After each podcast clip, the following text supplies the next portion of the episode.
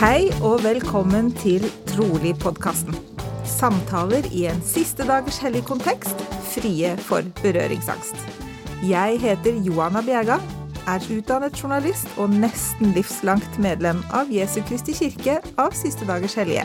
Og mitt navn er Dan Rikard Hagen. Jeg er til daglig voiceover, og som Johanna har jeg også tilhørt Jesu Kristi kirke av Siste dagers hellige nesten hele livet. I denne podkasten snakker vi med både trosfeller og noen som ikke lenger tror. Og innimellom så kommer vi også til å ta inn personer som ikke nødvendigvis har noen spesiell tro, men som likevel har perspektiver rundt tro og tilhørighet som vi sikkert kan lære noe av. Vi gjør oppmerksom på at denne podkasten ikke er i regi av Jesu Kristi kirke av Siste dagers hellige, og at det som blir sagt, er våre personlige meninger og oppfatninger.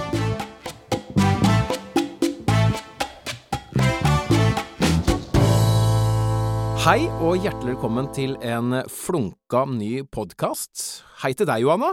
Hei, Dan. Så hyggelig at uh, vi kunne snakkes på denne måten. Vi sitter jo faktisk på hver vår side av landet. Jeg sitter altså hjemme i hjemmestudioet mitt i Moss, og du sitter i Stavanger. Det gjør jeg hos, uh, hos en nabo som tilfeldigvis har et uh, hjemmestudio som jeg får lov å låne, og det er jeg veldig takknemlig for. Takk, Tarjei. Så dette her er jo en litt sånn spennende teknisk eh, løsning, men eh, vi får se hvordan det går. Jeg tror det skal gå veldig bra, faktisk. Ja, jeg er optimist. Ja, er, vi er evige optimister. Eh, Det er vel egentlig nesten derfor vi har satt i gang dette prosjektet her også. Og det som er litt spennende utover det tekniske, er jo det faktum at eh, du og jeg, vi har vel møttes kanskje to, kanskje tre ganger, så vi kjenner jo faktisk ikke hverandre så veldig godt heller. Nei, det stemmer. Så det kan jo kanskje være en idé at, eh, at vi blir litt bedre kjent med hverandre før vi går i gang med dette prosjektet. Og så kan jo lytterne bli litt kjent med oss samtidig. Ja. Så vi bare fant ut, for å bli litt bedre kjent, la oss rett og slett starte en podkast. Ja, for eksempel. Det er vel sånn at um, noe har vi nok felles, og så har vi nok også en del ting som ikke er helt felles, vil jeg tro. Det vil jeg nok anta, ja. Helt sikkert. Og eh, vi kan jo begynne kanskje med de tingene som vi har til felles, da. Mhm. Du har en ganske stor familie, da. Det har blitt noen etter hvert. De kommer liksom bare strømmende på. Helt av seg selv. Jeg har, eh, jeg har, eh, jeg har både kone og eh, åtte barn. Ja. Og da pleier jeg alltid å få spørsmålet 'Hva? Med samme dame?' Og ja, det er med samme dame. Og så er neste spørsmål 'Å, tilhører du noe sånn kult eller noe sånt, du, da?' Eh, Da pleier jeg å svare nei. Så får vi diskutere det siden. Ja. Det skal vi diskutere masse siden. Og jeg kommer fra en stor familie. Ja. Jeg er nemlig eldst av åtte søsken. Og eh, jeg har bare fire barn selv, men jeg har også fått det spørsmålet. Eh, med samme mann. ja. Men jo da, det er det. Vi er, vi er vel egentlig blant de få, for de fleste som har så mange, så er det gjerne mine og dine. Ja, ofte så er det jo det. Ja. Eh, men eh, jeg syns faktisk at fire i hvert fall er, er mer og mer ja, jeg vet ikke, jeg vet ikke, jeg vil kanskje ikke si vanlig. Statistikken sier jo noe annet, men eh, Ja. jeg syns ikke det er så, så uvanlig lenger med, med fire som det var da, da vi fikk våre, i hvert fall. Men ettersom du har, du har altså syv søsken, da kan du kanskje si litt om om jeg har gjort noe smart eller ikke, da? Eh, hmm, ja, jeg må, jeg må vel innrømme det at det er en grunn til at jeg har fire og ikke åtte. Ja, ok. Ja, Men, men ja, nei takk da. for den, da. Det kom litt seint. Eh, du kan si det sånn at um, mamma hadde et ganske fint svar. for av og til så ble hun jo spurt om, om det virkelig var meningen å få så mange barn. Så pleide hun å si at de, de var ikke alle planlagt, men de var alle hjertelig velkommen. Ja, ikke sant. Og, og når det er sagt, så må jeg jo også innrømme at uh, jeg er kanskje Står kanskje de yngste søsknene mine nærmest, så det er helt utenkelig for meg å ha, å ha en mindre familie enn en, det jeg har. Ja. Så uh, Men det var nok litt sånn at fram til fem syntes jeg var greit, men seks, syv, åtte, da syntes jeg det var litt kaotisk, altså.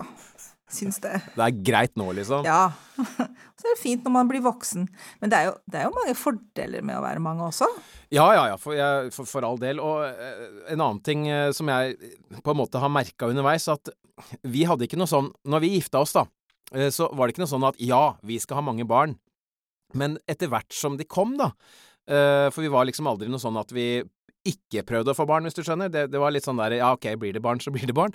Eh, Og etter hvert som hver kom, så er det sånn De fikk jo sin helt naturlige plass. Så det er jo sånn i ettertid helt utenkelig å ikke skulle ha en av dem. Ikke sant? ja. Mm. Jeg kjenner meg veldig igjen i det. Jeg gjør det. Um, men vi har mer ting til felles, vi. Jammen, vi liker å slåss begge to. Ja. Du har holdt på litt lenger enn meg, da. Det har jeg nok muligens, så jeg er kanskje liker litt bedre å slå og sparke enn det du gjør. Ja, det er ikke så mye slåssing og sparking ved meg. Det er mer uh, bryting, faktisk. Ja, ja. Jeg har holdt på med taekwondo siden jeg var um, Det vil si, jeg liksom på en måte, på en måte gjort det over tre puller. Jeg begynte på taekwondo når jeg var eh, veldig ung, kanskje en Ja, jeg må vært en kanskje rundt ti år. Og så holdt jeg på i noen år til jeg skulle opp til svart belte, og så slutta jeg, og så venta jeg faktisk over 20 år. Eh, etter jeg fikk, fikk barn, så hadde vi et sånn eh, familieråd hjemme hvor vi diskuterte litt hva barna hadde lyst til å begynne med som eh, sport eller aktiviteter, og så kom liksom taekwondo opp, og så hadde, var det i hvert fall én av gutta, tror jeg, på det tidspunktet som hadde lyst til å prøve. Og da slang jeg meg rett og slett på igjen. Og har holdt på siden bare med en sånn liten pause innimellom når det ble litt for kaotisk. Så nå har jeg holdt på med det i sikkert ja, i hvert fall over ti år. Jeg har ikke helt tall på det, men Og det er veldig, veldig gøy. Ja, ikke sant? Men, ja. men, men nå, nå er de i ferd med å ta litt av her, føler jeg. ja vel? Ja, altså fordi, fordi nå er det sånn type fire dager i uken. Ja, det er det. Jeg, eh, jeg er eh, hovedinstruktør i, i klubben her i Moss, og da må jeg stille opp litt, så det, det stemmer det. Jeg underviser taekwondo fire kvelder i uka. Så det hender at jeg ser familien min litt innimellom også, da. Det aner meg at vi skal få litt utfordringer med å finne, finne tid til dette podkastprosjektet, men ok. Nei da, tid Nei. har vi da masser av. Ja ja. Netter og sånn. Ja. Mm. Ja. Men fortell litt om Brasilien jiu-jitsu, da, for alle som ikke helt vet hva det er. Ja, brasiliansk jiu-jitsu, det, det er gøy, det. Um, jeg har en datter som har drevet med det i en, ja, fem år nå, tenker jeg. Og hun er flink. Uh, og hun er veldig flink. Hun har gjort det veldig bra både nasjonalt og internasjonalt, faktisk. Og, um, og hun maste veldig på meg om at mamma, du må prøve, det er så gøy. Og jeg sto imot i det lengste og var bare øh, øh, nei. det kan umulig være noe for meg. Eh, Slåssing og klumpete drakt og Nei, nei, nei. nei. Jeg kunne liksom virkelig ikke se for meg at eh, dette var noe for meg. Men eh, hun ga seg ikke, og så til slutt så sa jeg ok, jeg skal prøve én gang. Én gang. Og så klarte jeg å drøye og drøye og drøye. Til slutt så hadde jeg liksom ingen unnskyldninger til å la være, og så var jeg med på én trening, og jeg ble altså bare bitt av basillen med én eneste gang. Og det var Ikke sant? Jeg har trent regelmessig i hele mitt voksne liv, og vært, alltid vært glad i å trene og bruke kroppen og holde meg i form, men greia med brasiliansk jiu-jitsu er at du får, du får trent absolutt alt på en gang. Ja. Og det er veldig, veldig tungt, for jeg har prøvd det et par ganger. Det er kjempetungt. Og, og, og, og så er det cerebralt, altså du bruker hodet. Mm. Det er Mm, noen som beskriver det som uh, human chess, altså du uh, Og jeg fins jo ikke strategisk en plass, så, så jeg, jeg vil ikke akkurat påstå at jeg er noe sånn spesielt flink, men eh, men du, du skal liksom um, anticipate, altså du skal forutse motstanderens um, bevegelser, Mm. Og så skal du kontre. Eh, Mm, og og det, det, er, det er bare så gøy. Og du blir så Mm. sliten og mørbanket. Og i de første ukene så hadde jeg blåmerker på plasser jeg ikke trodde det var mulig å få. Men jeg har aldri, aldri øh, kost meg sånn på trening noen gang. Jeg, bare, jeg bare gliste. Så. Men akkurat nå så har det ikke vært så mye da med korona. Nei, den har ødelagt, eh, ødelagt for mange. Ja. Um, ellers så kjenner jeg meg veldig godt igjen i akkurat måten du beskriver det på. Det med at man må bru bruke hodet sammen med kroppen, som jeg Mm. sier. Også trene taekwondo, eller kampsport generelt, kan jeg vel si, er på en måte å, å ha det så gøy at du ikke egentlig skjønner at du trener. Mm, ja. Det syns jeg er veldig fint. Ja. Men eh, hva har egentlig det med, med denne her podkasten å gjøre? Nå tror jeg vi er liksom eh, litt ute på Ja ja. Det er, det er oss, i hvert fall. Det er oss. Det er oss. Og jeg, jeg, jeg har en liten link. Jeg har en liten link, Johanna. Jeg Ja, si det. få høre. Få høre. Ja, fordi at for, for meg i hvert fall personlig, så føler jeg at eh, kampsport og religion har noen fellestrekk, for vi er opptatt av respekt for andre mennesker, eh, ha integritet, eh, selvdisiplin og sånne type ting. Jeg, jeg tenker at det er ikke bare Altså, det er ikke bare religion, og det er heller ikke bare kampsport, men dette er ting som gjør oss til bedre mennesker. Og det er jo det eh, jeg ønsker, både for min egen del ved å trene taekwondo, men også å undervise taekwondo, og ikke minst det jeg også ønsker for meg selv ved å være et medlem av kirken. Ja. For, for eh, som medlemmer av kirken så, eh, så blir vi, føler jeg, ofte litt sånn satt i bås. Mm. Man tenker at, at er man et medlem av en, av en minoritetskirke, som den vi er i, så å, å, å være medlem av Jesu Kristi kirkas siste dagers hellige, det er jo virkelig ikke en søndagsreligion. Det er jo virkelig en livsstil. Ja. Og, og, og virkelig noe som preger hele livet og hele tilværelsen. Men, men vi er ikke endimensjonale mennesker heller. Vi er mye mer enn bare det vi tror på. Nettopp. Um, og det er jo også noe som vi ønsker å få fram i, i denne podkasten. Mm. At, uh, at vi gjør mye mer enn bare å få barn og, Ja, ja, ikke sant? og holde taler og være søndagsskolelærer. Ikke sant? For det er jo sånn at selv om kirken eh, betyr mye for oss, og som du sier er en veldig stor del av våre liv, så kan jeg nok kanskje av og til føle litt sånn at så fort det kommer frem i en samtale, eventuelt med nye mennesker eller sånn at medlem av kirken, så blir det fort veldig altoverskyggende. Og som du sier, vi er faktisk mye mer enn akkurat å være medlem av kirken også. Mm. Men som sagt, det er jo en ganske stor bit, og det er jo primært den biten vi har tenkt å ta for oss i denne podkasten. Yes. Men uh, få høre, Dan. Fortell meg litt. Hvordan havnet du inn i, inn i dette her? Inn i dette uføret. Jepp. Det startet uh, med mine foreldre. Da jeg var uh, rundt fem år gammel, så uh, har jeg blitt fortalt at de hadde besøk av Jehovas vitner over en periode.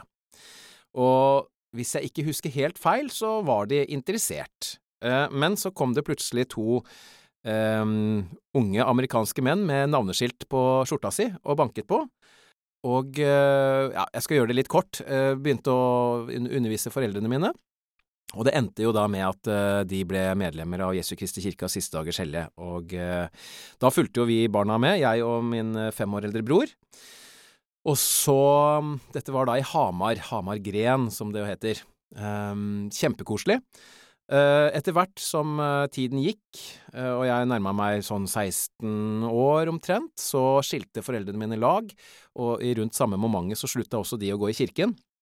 Så jeg og broren min, vi gikk faktisk i kirken for egen maskin kanskje et snaut år, men så dabbet det på en måte av, for jeg tenker at barn eller ungdom i den alderen, de trenger egentlig noen som pusher litt, og det hadde på en måte ikke vi, så det, det dabba litt av. Eh, Så gikk det noen år, og jeg flytta til Oslo etter hvert, for å, jeg begynte å jobbe i radio og sånn, hadde lyst til å på en måte utvikle det, flytta til Oslo, og så plutselig så, noen år etter det, så kom det noen og banka på døra der. Eh, Da hadde det gått en fire–fem år, tror jeg, uten at jeg hadde vært i kirken, og heller tenkt så mye på det i det hele tatt. Og eh, da kom en, et medlem av kirken i Oslo sammen med misjonær, og som jeg pleier å si når jeg omtaler dette her i ettertid, så jeg husker egentlig ingenting av det vi snakket om, men jeg husker veldig godt det jeg følte. Og det jeg følte da var at dette vil jeg ha mer av. Uh, om det var noe jeg kjente igjen, eller uh, som jeg hadde følt tidligere, sånn, det vet jeg ikke, men det var noe helt tydelig som starta prosessen for meg å uh, komme tilbake til kirken, som jeg da brukte kanskje et års tid på, av mange forskjellige omstendigheter. Og siden det så har jeg vært eh, aktivt medlem nå i eh, ja, det begynner å bli noen og tjue år. Eh, det tok meg et halvt år cirka etter jeg ble aktiv i kirken igjen, til jeg traff en jente som eh, vi måtte vente i to måneder med å forlove oss, for vi tenkte at det er greit at jeg får hilst på foreldrene hennes først. og, og så måtte vi vente ytterligere tre måneder med å bli gift, så vi gikk og trippa i seks måneder. Så ble vi endelig gift, og nå er vi gift og har åtte barn. Det er min historie. Oi. Hva med deg, Johanna? Jo, eh, litt, eh, litt samme greia. Altså, min mor eh, var Eller konverterte da jeg var rundt ett år. Og da bodde vi i England, i London. Eh, Så mitt, min barndomsmenighet var Hyde Park Ward i London. Mm. Eh, Så flyttet vi til Norge da jeg var ca. ja, syv, syv og et halvt. Mamma giftet seg med en norsk mann, så dermed havnet vi i, i Oslo. Um, og, så jeg ble døpt i Hekkveien i Oslo, og tilhørte det Ja, gode gamle Hekkveien. Oh yes. Og tilhørte da det som den gang het eh, Oslo andre Vård, som nå er eh, tilsvarer Romerike menighet. Så der trådte jeg mine barnesko, og eh, for meg så var det verdens mest naturlige ting. Og tryggeste, fineste oppveksten, og, og det ramla meg på en måte aldri inn at at jeg skulle være noen annen plass. Så jeg, jeg bare vaste gjennom tenårene og fant meg liksom til rette og følte meg, følte meg trygg og hadde det veldig bra der. Um, og så, da jeg var um, Jeg var 18, så traff jeg min mann Johannes. Han var fra Stavanger. Du var ikke så gammel du heller, nei? Nei, jeg var ikke så gammel jeg heller. Uh, vi klarte å vente to år vi da, før vi giftet oss. Oi. Ja. Hellige jul. Treige dere er. Kjempetreige. Og så uh, Og de som er gode i matte her, skjønner at da var jeg 20 år da jeg giftet meg. Um, og så havnet vi etter hvert i Stavanger, og her har vi blitt. Um, Ja. og, og jeg har egentlig hengt med hele veien. Ja. Uh, jeg har inn, må innrømme det, at jeg har jo hatt perioder innimellom hvor jeg har vært aktivt fysisk, men kanskje ikke så aktiv i hodet. Eller Mm. hjertet, hvis det går an å si det på den måten.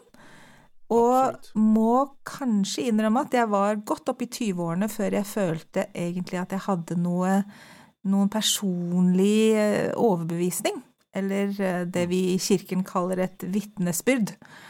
Eh, Det tok litt tid, Mm. men eh, den er på plass nå, og, og jeg har ingen planer om å, om å dra noe sted. Nei, ikke sant. Fordi nå har vi snakket litt om hvordan vi kom inn i kirken, men hvorfor, hvorfor blir vi? Ja, og det er jo på en måte det som jeg håper at denne podkasten og episodene videre kan være med å belyse. Fordi vi er jo en bitte liten minoritet i Norge. Ja.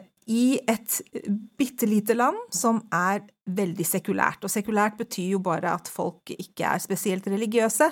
Faktisk eh, så er det, så er det bare 30% som tror på Gud i det hele tatt. Mm. Og av de igjen så er vi jo Vi er jo virkelig ikke mange medlemmer av Jesu Kristi kirkas siste dagers hellige i Norge. Nei. På Vi er vel rundt 4500. Det er jo ikke, det er jo ikke noen stor gruppe.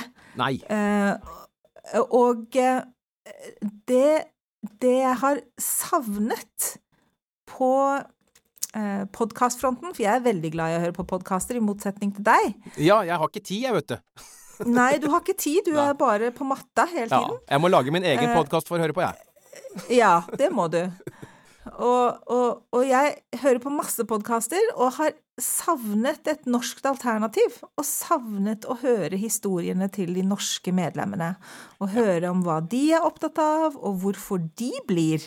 Mm. Eh, fordi jeg føler vel, både internasjonalt, eller i USA i hvert fall, for veldig mye produseres jo der, Mm. Så er det ofte de eh, motstemmene og de negative stemmene og, og, og de som har forlatt kirken, som får veldig mye plass. Sant. Mens de som på en måte bare holder seg på plass og Mm. eh, stick with the program, Ja. de, de verken snakker så høyt eller sier så mye. Mm. Men alle har jo en historie. Ja, og det vi vet er at det er mange spennende historier eh, blant medlemmene i Norge også. Det er jeg overbevist om, og det er de jeg gleder meg til å høre. For eh, det er jo slik at eh, det skal jo ikke nektes for at denne podkastideen, den var jo utgangspunktet din. Og etter hvert som jeg skjønte litt mer hva dette her dreide seg om, så må jeg innrømme at det tente meg noe veldig, fordi jeg elsker å snakke om eh, tro. Jeg syns tro som eh, hva skal jeg kalle det, et, et konsept er veldig spennende i seg selv, og min egen tro syns jeg er ekstra spennende å snakke om. Ja. Så dette vil jeg være med på. Ja, og det er jeg fryktelig glad for, fordi um, jeg, jeg kan skravle, altså. Det er ikke noe problem. Uh, men uh, og, og, jeg er veldig glad i å snakke med andre mennesker og høre deres historier og, og, og sånn, men, men, det her skal jo ikke handle om meg. Mm. Og dessuten så må jeg jo ikke legge under en stol, eller stikke under en stol at uh, sånn på den tekniske fronten så er jo ikke jeg verdens uh, beste heller. Så uh, det var derfor jeg tok kontakt med deg, Dan, fordi jeg visste jo at du hadde kompetanse på dette feltet. Og jeg er utrolig glad for at du, du har lyst til å være med på dette, dette prosjektet, for det vil nok høyne det med ganske mange hakk, vil jeg tro. Vi får krysse fingra for det. Ja, satse på det.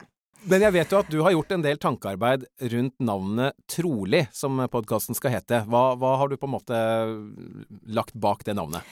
Eh, jo, eh, jeg har jo eh, grublet og tenkt lenge egentlig på dette her med å starte en, en podkast om tro. Og lekt en del med, med navnet, og, og, landet på Trolig fordi det er, jo, det er jo litt ordspill, da. Det er en blanding av tro eh, og rolig. Ja.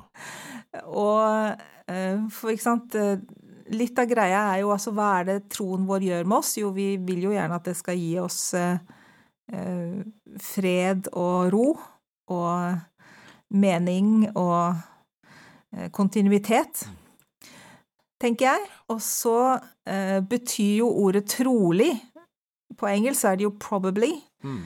Uh, og det er jo noe som går litt på dette her med at det er ikke så skråsikkert. Nei, og det syns jeg er, er, så eh, veldig kult at, uh, at, du har også tatt med det at det er ikke nødvendigvis sånn at vi sitter på alle svarene, liksom, selv om vi tror. Mm. Det er rom for undring, det er rom mm. for spørsmål, det er rom for tvil, det er rom for uh, um, Det er rom for andre ting. Det er rom mm. for an, andre perspektiver. Og så er jeg litt på den at eh, jeg har kanskje sluttet å gå rundt og, så, å være så skråsikker, da. Jeg har sluttet å gå rundt og, være, og, og si 'jeg vet'. Mm. Jeg er eh, Jeg tror Jeg tror, jeg, jeg tror det er trolig. Det er trolig slik. Ja. Eh, jeg håper Nå er du inne på noe veldig interessant, for ja. det der er en utvikling som jeg gjenkjenner ganske godt selv, fra å være veldig og det skråsikre syns jeg kanskje også passer inn litt i måten jeg er som person, nemlig litt firkanta. Men etter hvert som uh, tiden går, etter hvert som barna vokser opp og får sine egne meninger, og du stadig blir, hva skal jeg si, prøvd på uh, det du er så skråsikker på, så kommer det plutselig andre nyanser inn, som gjør at du ikke nødvendigvis må revurdere troen din, men du må på en måte, skal man kalle det, tilpasse, kanskje. Og det, det, det er en sånn ever evolving. Ja. Stadig utvikling som, eh, som, gjør at du kanskje føler deg mer komfortabel med å si at dette er det jeg tror, fremfor som du sa, mm. jeg vet. Ja. Og jeg er jo òg litt sånn som person, så kan jeg være veldig bastant. Familien min ler litt av meg, fordi jeg kan, kan av og til være veldig sånn skråsikker og komme med, med meninger som Kanskje ikke Som jeg ikke er så sikker på likevel. Men, eh, men i en trossammenheng så, så, tenker jeg at det er veldig viktig at vi er, eh, at vi er underveis. Eh, fordi jeg tror også i et trosperspektiv så, så står man aldri stille. Nei. Du er enten på vei vekk, mm, vekk fra troen din, eller du, mm. er, eller du er på vei til å, å mm. styrke den. Og så er det veldig spennende å vite hvordan forskjellige mennesker definerer tro, rett og slett. Hva er tro? Hva betyr tro for deg? Er det et valg? Er det følelser?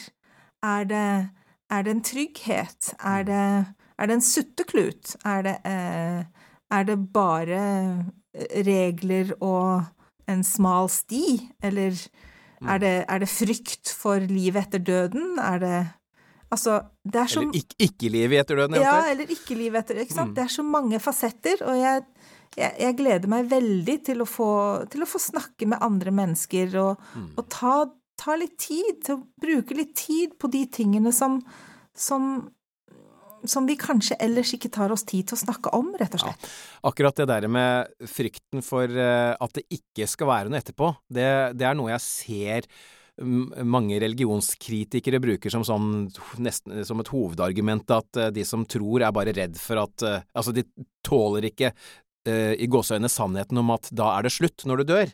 Men det, det syns jeg blir så himla enkelt, for hvis For jeg, jeg føler ikke at Jeg er ikke redd for det. Jeg har aldri gått rundt og vært skremt for døden sånn sett. Nå kan jo det selvfølgelig være fordi at jeg er oppvokst med troen, så det har jo på en måte vært innplemta i meg, men, men det blir så altfor enkelt å si at uh, du tror fordi du er redd for at uh, uh, Redd for den såkalte virkeligheten om at når du dør, så er alt slutt. Ja, nei, jeg, jeg kjenner meg heller ikke helt igjen i den. Um, så nei, det skal bli Jeg tror det kan bli veldig spennende å snakke både med folk som tror, og folk som ikke tror, og, og folk som kanskje er litt midt imellom. Ja, vi gleder oss veldig. Og nå har vi allerede sagt litt om, om dette her, men hva, hva, slags temaer kan man forvente seg, øh, tenker du, i, i denne podkasten fremover? Eh, jeg er jo veldig på dette med personlige historier, fordi jeg syns at for det første så syns jeg det er mest interessant å høre på. Ja. Eh, så jeg håper at det ikke skal bli for eh, teologisk og akademisk og høytsvevende og, og sånn. Jeg håper at vi skal få litt sånn hva folk har opplevd, og hva, hvordan det har påvirket dem, og hvordan, hvilken plass troen har hatt i deres personlige mm. liv og utvikling. For det kan vi vel si med en gang at dette her skal ikke være noe vitnesbyrdsmøte? Nei. Nei, nei. Men så er jeg egentlig litt åpen for at folk skal få snakke litt om det de selv har lyst til å snakke om. Og de jeg har vært i kontakt med så langt, noen har vært veldig sånn ja, men da vil jeg snakke om det. Mm. Uh, og mens andre har sagt ja, men eh, nei, det kan du få styre. Det blir sikkert bra. Um, så ting som jeg vet vi allerede har på blokken, er f.eks. nettopp dette med spørsmål. Um, dette med å være foreldre i, en, uh, i, en minoritets, uh, i et minoritetstrossamfunn. Uh, annerledeshet, ikke sant? Altså det å skille seg ut. Fordeler, ulemper, hvordan håndterer vi det, hvordan takler vi det, både som foreldre og som barn. Det å vokse opp i et trossamfunn som er så lite som vårt, hva, hvordan preger det oss, på godt og vondt? Um, kvinnens rolle, det er nok å ta av der. Ja. Eh, kjønnsroller generelt, eh, tradisjoner, forskjell på mm. kultur og evangeliet. Det er veldig spennende. Mm, eh, kulturimperialisme, ikke sant. Altså mm. hvordan er det å være en del av en, en kirke som veldig mange oppfatter som veldig amerikansk? Hvordan forholder vi oss til det, eksempel? Eh, vi skal snakke om psykiske lidelser. Eh, jeg har allerede vært i kontakt med ganske mange eh, som er interessert i å være med, og som har gode tanker og ideer og perspektiver på masse interessante emner. Mm. Og hvor, hvor, skal folk få finne denne podkasten? Ja, vi håper jo at vi skal klare oss å ha det ut på alle de vanlige plattformene, da. Ja. Altså der man, man vanligvis finner en podkast. Mm. Uh, det er i hvert fall planen. Men vi har også opprettet uh, en Facebook-side og en Instagram-konto, så det går an å følge oss der og finne lenker der. Ja, Hva heter Facebook-siden og Instagram-kontoen, så folk kan finne det med en gang? Trolig podkast. Ja. Podkast med C eller K? Med K, for det er den offisielle norske måten å skrive det på. Og vi er i Norge, og vi skal snakke norsk i all hovedsak. Trolig podkast. Trolig podkast på Facebook mm. og Instagram. Kult. Ja. Uh, hvor ofte skal vi prøve å få ut episoder da, Johanna? Ja, det, jeg tror egentlig at det kommer til å Det kommer til å avhenge litt mer av deg enn av meg. Men uh, Ok! Ja, Legg det på meg, du. Jeg legger det på deg, du som, uh, har det, som har åtte barn og er hovedtrener i, i klubben.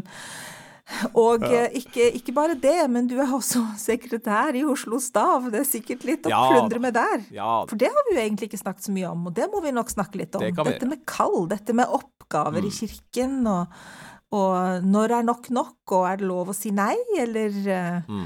Er det ikke lov å si nei? Og, ja. Mm. I det hele tatt, som jeg tror de fleste som har hørt på så langt nå begynner å skjønne, så kommer dette her til å bli veldig spennende. Ja, det gjør det. Mm. Uh, jo, så hvor ofte? Ja, skal vi satse på annenhver uke, og så ja. håpe å øke til hver uke etter hvert? Vi sier det sånn. Høres det realistisk ut? Vi starter, starter litt sånn forsiktig og sier to episoder i måneden sånn i snitt. Mm -hmm. Og så øker vi når, når, vi virkelig er i gang. Det høres ut som en god plan. Og så er det jo sånn at vi vil jo veldig gjerne høre fra, fra lytterne våre, og derfor så har vi jo også oppretta en eh, e-postadresse også for de som har lyst til å enten være med, jeg har lyst til å være med, eller har noen forslag til tema vi kan ta opp, hva er e-postadressen? Det er trolig podkast med k, altså, at gmail.com. Og der vil det også bli mulig å melde seg på et nyhetsbrev som vi tenker skal komme ut mellom episodene som skal være fylt med litt sånn tilleggsstoff. Lenker til kjekke podkaster som vi tror folk vil like, eller bøker eller artikler eller musikk eller andre ting som vi kommer på. Mm. Så litt sånn eksklusivt eh, innhold for eh, våre trofaste lyttere som vi håper vi kommer til å ha mange av. Vi skal rett og slett bli en liten trolig-klubb, vi. Rett og slett. Nyhetsbrevet kommer til å hete Mer enn trolig. Spill med ord. Dette blir veldig bra. Ja, gleder meg. Kom deg inn på Facebook-siden vår med en gang, Trolig podkast, og Instagram, og lik i Ville veier, sånn at du følger oss fremover og får førstehåndsinformasjon om når ny episode ligger ute.